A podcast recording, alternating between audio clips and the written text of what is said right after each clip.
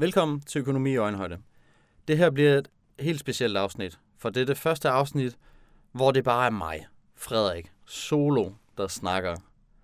Det må vi håbe også kan noget. Grunden til det er, at jeg gerne vil dele nogle af mine tanker med processen af økonomi i øjenhøjde. Efterhånden er der ved at blive udgivet 20 afsnit, og hvert et afsnit har givet mig noget at tænke på, har gjort mig mere nysgerrig, mere ivrig for at lære mere om økonomi. Hvem skulle have troet, at økonomi faktisk var så spændende? Jeg tror, at en af grundene til, at økonomi er spændende, er fordi det er så indflettet i samfund og politik. To ting, jeg finder meget interessant. Og man kan ikke snakke om en af de to, uden at komme ind på økonomi. Så derfor skal vi selvfølgelig blive bedre til at forstå økonomi. Jeg vil gerne bruge afsnittet her til at tale om nogle af de tanker, jeg har gjort mig, men også hvad jeg egentlig har lært undervejs, og hvad der ligesom har været udfordringer ved forståelse af økonomi.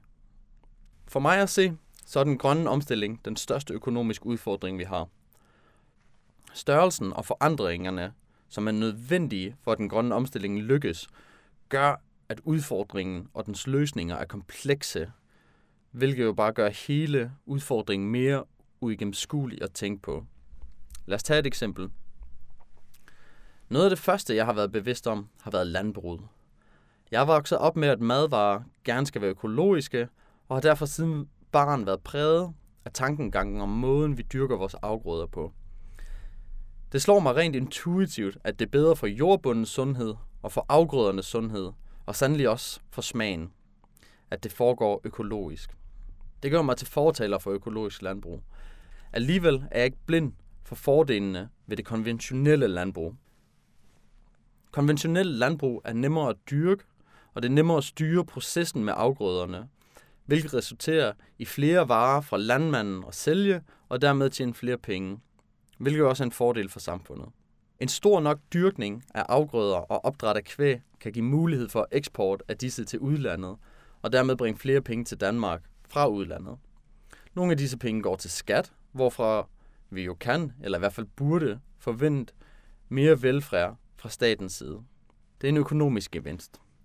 Spørgsmålet er, om økologisk landbrug kan give samme gevinst, for ellers har vi et dilemma mellem at dyrke konventionelt landbrug og tjene flere penge, eller dyrke økologisk landbrug og have en gladere jordbund sammen sundere afgrøder. Ja, og så snakker vi ikke engang om opret af dyr endnu. Det er ikke nogen nem økonomisk problemstilling, for udover regnestykket, der kan gøres over landbruget, er der også facetter af etik, stabilitet og en bredere samfundsmæssig påvirkning, der skal tages i betragtning. Det kræver en omhyggelig afvejning af økonomiske, sociale og miljømæssige faktorer for at finde en bæredygtig løsning. Derfor er det afgørende at anerkende kompleksiteten i denne problemstilling og arbejde mod holistiske tilgange. Selvom landbruget er en af de store emner i den grønne omstilling, er det blot et ud af mange komplekse emner, der kommer til at kræve opmærksomhed, penge og dygtig politik, som kan skabe de mest optimale forhold. Som sagt er den grønne omstilling en stor størrelse, hvor landbruget udgør en enkelt del. Efter at have snakket med Thorsten Hasford om den grønne omstilling, er jeg blevet bekræftet i vigtigheden af landbrug og blev gjort opmærksom på betydningen af transport og energi, hvilket også er to store størrelser, hvor specielt krigen i Ukraine har sat skub i spørgsmålet om energi. Og lad os endelig ikke glemme politik i alt det her. For samfundsøkonomi er politik, og politik er samfundsøkonomi. Hvad politikerne vælger at prioritere, bestemmer retningen for vores samfund, og de vilkår, vi kan handle under. Og der vil være rigeligt af spørgsmål, de skal forholde sig til. Et emne, som jeg endnu ikke har snakket om i programmet, er kryptovaluta. Moderne penge, som forser spørgsmålet om, hvorvidt vi overhovedet har brug for kontanter. Det mener jeg bestemt, vi har. For jeg har prøvet at stå i en café fredag eftermiddag, og net går ned, hvormed ingen har adgang til deres digitale penge. Så er det altså rart at have kontanter. Jeg vil gerne blive klogere på kryptovaluta, for jeg mener, at det er kommet for at blive. Der er fordele ved det, og et spørgsmål bliver om, hvorvidt staten skal lave sin egen kryptovaluta, hvilket passende kunne blive kaldt for e-kronen. Og hvordan værdisætter man en helt ny slags penge?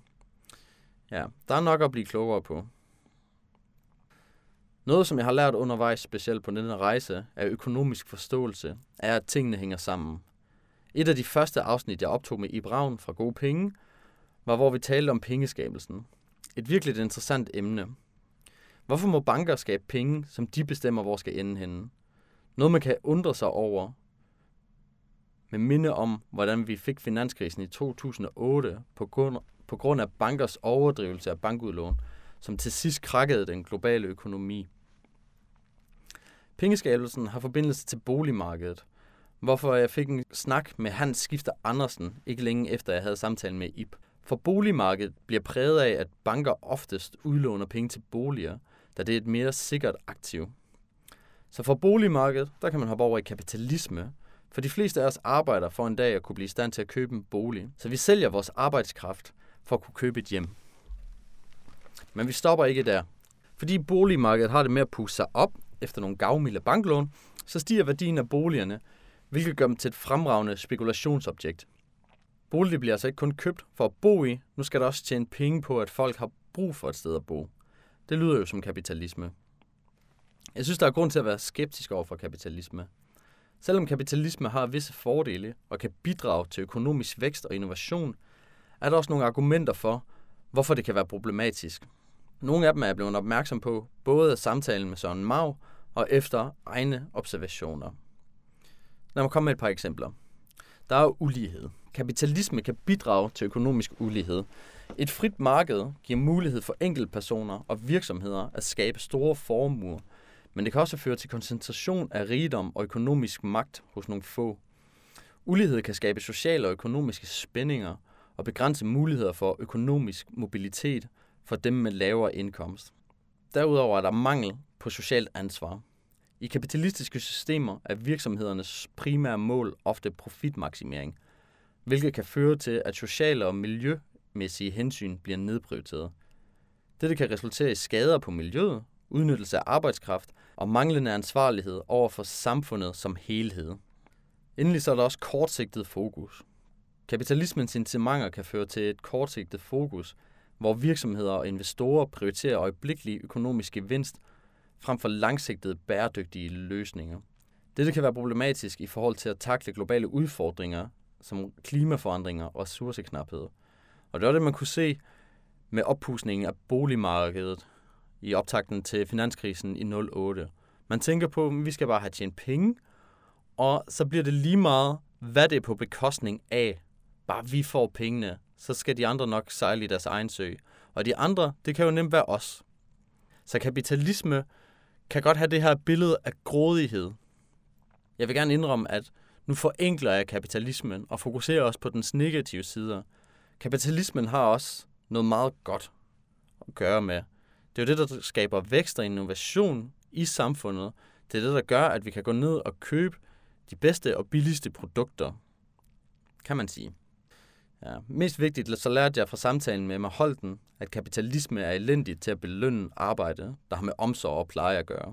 Det ses ved sygeplejersker, pædagoger, dem som passer på de ældre, og selvom lærer får en okay løn, så synes jeg, det er forrygt, at mennesker, der lever af at handle med energi og aktier, tjener mange flere penge end dem, som varetager vores ungdom og samfundets fremtid. Der vil jeg gerne give et eksempel, jeg hørte fra Morten Albæk, da han snakkede med Christian Fuglendorfs på hans podcast Hvad så? Her giver Morten Albæk et eksempel fra en undersøgelse, hans firma har været med til at lave, hvor de spørger folk, der handler med energi, og folk, der arbejder i krigsramte områder, hvor de giver pleje og hjælp til de folk, der lider af krigen. Her spurgte de om, i hvor høj grad de synes, deres arbejde gav mening.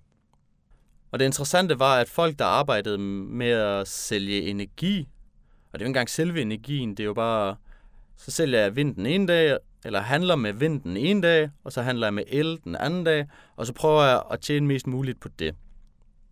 De oplevede højere mening med deres arbejde, end de folk, der arbejdede med de krigsramte lande. Og grunden var, at folk, der handlede med energi, de kunne se dagens resultat hver dag. De kunne se, hvor meget de havde tjent, og derfor var belønningen på en måde kontant og direkte.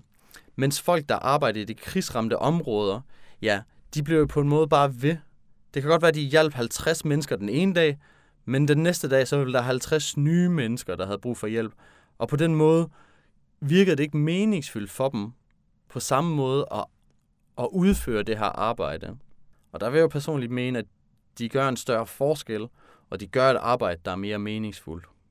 Det er sådan noget, der gør, at jeg i hvert fald godt kan tage lidt afstand fra kapitalismen og tænke, at nogle af dens mekanismer kunne man godt ændre. Ja. Så min holdning, min holdning er ikke, at vi skal afskaffe kapitalisme fuldstændigt. Men hvor kunne det dog være nyttigt og retfærdigt, at vi fik redigeret kapitalismen, så den, således at den i højere grad belønnede dem, som gjorde noget essentielt for samfundet og mennesker. Ja, så kapitalisme kommer helt sikkert også til at fylde mere i programmet. Det skal vi blive klogere på.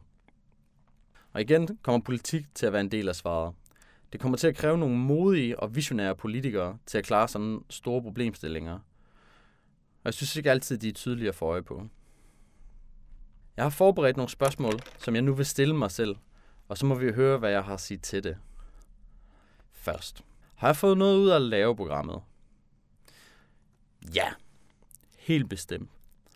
Jeg har fået et bedre overblik og en bedre forståelse for, hvad økonomi er for en størrelse, hvad det gør ved samfundet, og hvordan det sætter nogle rammer for, hvordan virksomheder agerer, hvordan politikere agerer, og hvordan borgere agerer.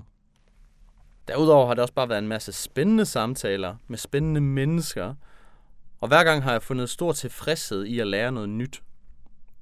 Så at lave programmet har helt sikkert været en gevinst. Ikke økonomisk, ironisk nok, men hvis ikke andet, så intellektuelt. Så har det bare været fedt at møde nogle mennesker, der virkelig har gjort sig kloge på nogle emner, og så kan man bare sidde og høre på dem. Det er så fedt. På den måde er det virkelig en gave at lave podcast. Fordi hvad jeg gør, er jo at invitere folk, og jeg forbereder mig, men det er jo dem, der kommer og øser ud af al deres viden og deres meninger.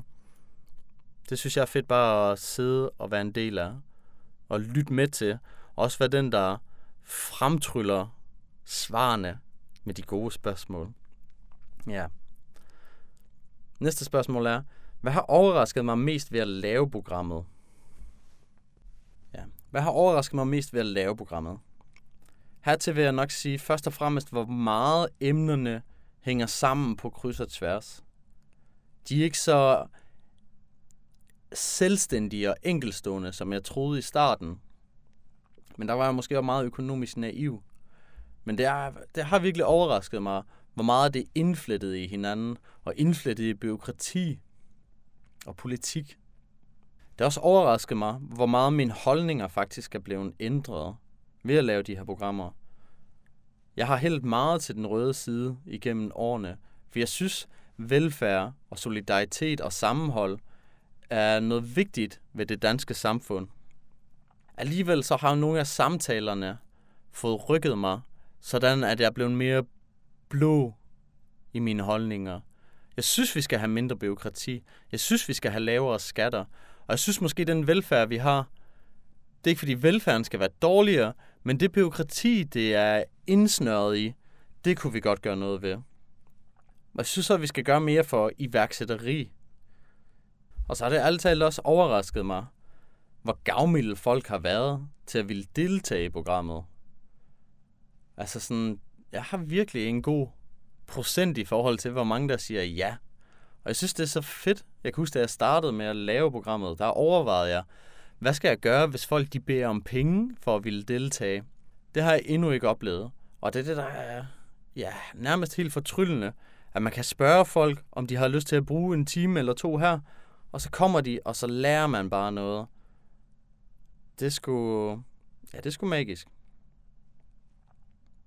Det tredje spørgsmål er, hvilke episoder ændrede din opfattelse af den økonomiske situation? Og her vil jeg da specielt øh, gerne udpege samtalen med Mogens Lykketoft, første episode. For her fik jeg egentlig øjnene op for hele agendaen med den grønne omstilling. Altså, det er da noget, jeg har lagt øre til i et par år, og har da været klar over, at det er noget, vi skulle have gjort noget ved. Men det var først efter, jeg snakkede med ham, at jeg sådan virkelig satte mig for, okay, det bliver jeg nødt til at blive klogere på. Jeg bliver nødt til at forstå den grønne omstilling. Hvad er klimaudfordringerne? Hvad er forbrugsudfordringerne? Hvad er energiudfordringerne? Fordi de er så meget bundet op på økonomi Og netop fremtidens økonomi kommer til at være afhængig af hele det her klimaspørgsmål. Hvordan vi indretter samfundet, hvordan vi indretter vores vaner, specielt med forbrug. Også for den sags skyld, hvordan vi uddanner vores ungdom til at bedre kunne forstå de påvirkninger, vi har på miljøet, og hvad de også skal være med til at hjælpe med. Fordi ungdommen er jo også fremtiden. Et an, en anden episode, jeg gerne vil pege ud, var min samtale med Frederik Ingholm, hvor vi snakkede om inflation. Egentlig bare fordi, jeg har lært så meget om inflation ved det afsnit. Altså, jeg vidste da godt nogenlunde, okay, inflation, så bliver ens penge mindre værd, og der kan være sådan noget som hyperinflation, så bliver de nærmest intet værd. Men det var virkelig bare et godt afsnit til at få nogle forskellige perspektiver på, hvad inflation er, og hvad man kan gøre ved det. Og hvorfor man måske ikke skal gøre noget ved det. Og det blev jeg så endnu klogere på med for eksempel Jonas Jensen fra Gode Penge, hvor vi snakker om bankernes rolle i forhold til inflation. Så det der med at sige inflation, det er ikke så firkantet, som jeg troede. Og det, det er bare en af de episoder, hvor man sådan er glad. Ej, har blevet virkelig sagt nogle ting, der skærer det ud på en beskrivende måde, og med billeder, man kan forholde sig til. Også rigtig dejligt. Så vil jeg gerne bringe afsnittene ind med Emma Holten og Søren Mau igen. Simpelthen fordi, da jeg startede det her program, så var det, så var de to personer, jeg kendte til, der havde noget at sige rent økonomisk. Fordi på daværende tidspunkt, der var jeg sgu ikke så meget i en økonomi, og jeg vidste egentlig ikke, hvem jeg skulle hive fat i. Jeg vidste, at de to ville jeg gerne snakke med. Søren Mau om kapitalisme, og Emma Holten om feministisk økonomi. Så da de begge sagde ja, så vidste jeg, at okay, det skulle en succes allerede. Og så lige med to gode samtaler oveni, så kunne jeg ikke bede om meget mere. Ja, lige til at slutte af på den, må jeg nok også hellere nævne afsnittet med Lars Tvede, hvor vi snakkede om Schweiz og økonomi. Grunden til, at jeg gerne vil fremhæve det, er fordi det var specielt et afsnit, der ændrede min økonomiske og samfundsmæssige forståelse. Det var et afsnit, der virkelig gav mig et skub over i den blå lejr, fordi Schweiz er et godt billede på, hvad man kan gøre, eller hvordan et samfund kan fungere, når man har mindre centralisering, når man har mindre skatter, når man har mere ansvar hos individet, og ikke hos staten, og hvad privatisering kan gøre. Og det, det skubbede mig bare mere over i den blå lejr. Jeg vil sige, at jeg er godt halv-halv nu. Det lyder meget sundt. Velafbalanceret. Et spørgsmål, jeg har stillet mig selv, det er, bliver der snakket nok om økonomi? Hvilket jeg egentlig vil sige nej til. Altså, der er, der er økonomiske snakke ude i samfundet, men meget af det falder på renter, aktier, uh, krak lige om hjørnet. Men der er så mange økonomiske emner at tage fat i. Der er så meget, der kunne give os en mere holistisk forståelse af samfundet. Netop ved at dykke ned i nogle af de økonomiske emner, der omringer os. Så nej, jeg synes ikke, der bliver snakket nok om økonomi. Men hey, det er jo også derfor, jeg er her. Jeg synes ikke, der var platforme nok i Danmark til at blive klogere på økonomi. Og det er derfor, økonomi i øjenhøjde blev startet. Så på en måde burde jeg være taknemmelig over, at der ikke bliver snakket nok om økonomi. Men alligevel, så synes jeg, at der er brug for mere opmærksomhed på økonomi og hvad vi vil med vores samfund og de penge, vi har tilgængelige. Et spørgsmål i den forlængelse er så, hvordan har det så været, nu hvor der er blevet snakket om økonomi, og man er blevet klogere på økonomi? Hvordan har det været? Jeg vil gerne sige, at det har været svært. Økonomi er sindssygt kompliceret. Jeg har været så heldig at have nogle gæster, der har været til at tale med i øjenhøjde. Der er ikke nogen, der har, har for store tal eller komplicerede formular eller lange vendinger, som var umulige at følge med på. Selv uden økonomisk forståelse, så synes jeg virkelig, at jeg har fået meget med. Jeg har fået meget ud af det. Men Gud, hvor er det kompliceret. Virkelig et svært emne. Og det er nok også derfor, der ikke er så mange, der snakker om det. Fordi det er et svært felt at bevæge sig ind på, og det er svært at have meninger omkring, hvis man ikke virkelig har overvejet det. Og sådan er det jo for mig stadig. Altså, jeg er jo også i en proces, hvor jeg opbygger min økonomiske forståelse, mine økonomiske holdninger. Og det er ikke noget, der kommer til at være færdiggjort i morgen eller om et år. Det kommer til at tage lang tid. Men jeg er glad for, at jeg er blevet det bedre udrustet til at kunne tage økonomiske diskussioner.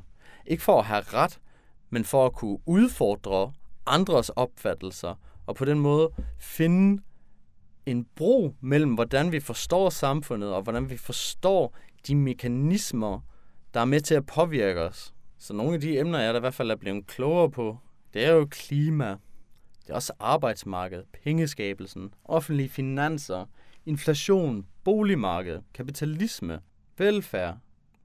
Der er så mange emner derude, der kalder på, at man skal opdage dem og sætte sig ind i dem, forstå dem, og så kunne anvende dem til at skabe et bedre samfund.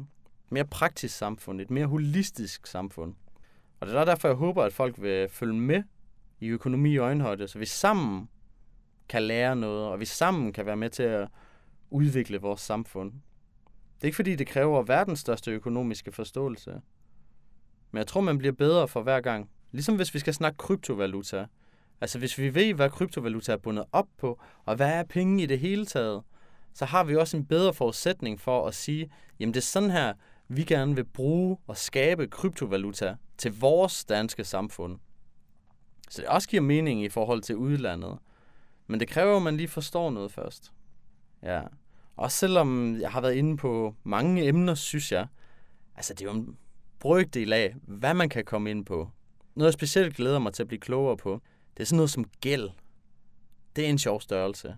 Gæld, offentlig gæld, privat gæld, gæld for at finansiere noget, gæld, fordi man egentlig har været i gæld så lang tid, at man ikke kan betale sig ud af det. Det skal vi nok også blive klogere på. Ah, Jamen, det bliver så godt. Der er så meget at blive klogere på. Og det er også det, der er fedt. Det er godt med noget at tænke over. Det er godt med noget, man kan se ud i samfundet. Og sådan, måske blive en smule provokeret af. Sådan, jamen, hvad sker der egentlig der? Hvorfor er det sådan der? Så kan man jo søge nogle svar. Og så kan det være, at man kan komme med nogle løsninger. Det håber jeg i hvert fald er tilfældet. For jeg vil gerne bruge den her forståelse af økonomi til at bidrage til samfundet.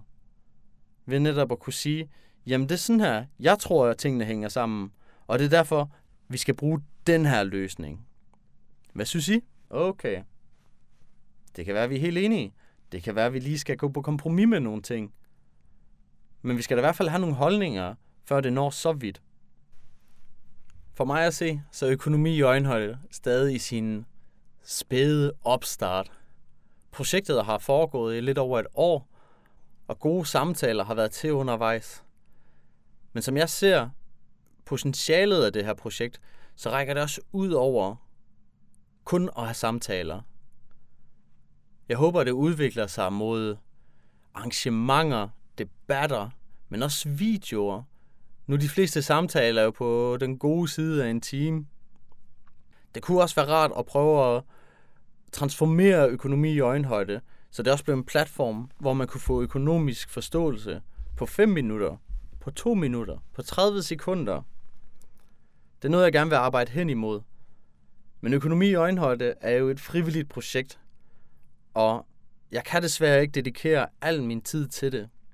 Og det er ikke fordi, jeg vil bede dig om at donere penge nu, men hvis du gerne vil hjælpe programmet, så anbefale det. Det er det, der driver værket. Det er anbefalinger, at programmet kommer ud til folk, der netop er nysgerrige efter den her slags emner, og som gerne vil blive klogere og diskutere samfund. Så må vi jo tage den derfra. Og så det med penge, jeg synes, det, projektet her, det er jo noget, der er for den almene oplysning. Så jeg har svært ved at se, hvordan penge skal være noget, der kommer til at drive det. Så det, der driver værket nu, det er ønsket om transformation og oplysning hos de folk, der gerne vil, og som er klar til det. Det kan være, du kender en. Giv en anbefaling. Jeg tror også, fremtiden for økonomi i øjenhøjde indebærer, at jeg laver flere soloafsnit.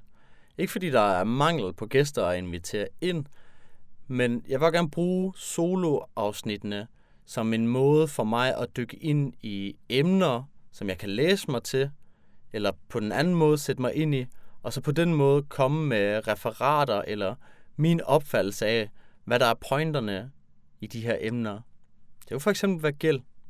Det kunne være et eller andet historisk, økonomisk spørgsmål. Der er jo så meget at hoppe ned i. Ja, så jeg håber, at du også vil være med til at lytte, når det bare er mig, der snakker. At det ikke er betinget af, at der er en gæst, selvom dem kommer der også til at være rigeligt af stadigvæk. Og jeg vil glæde mig til dem alle sammen.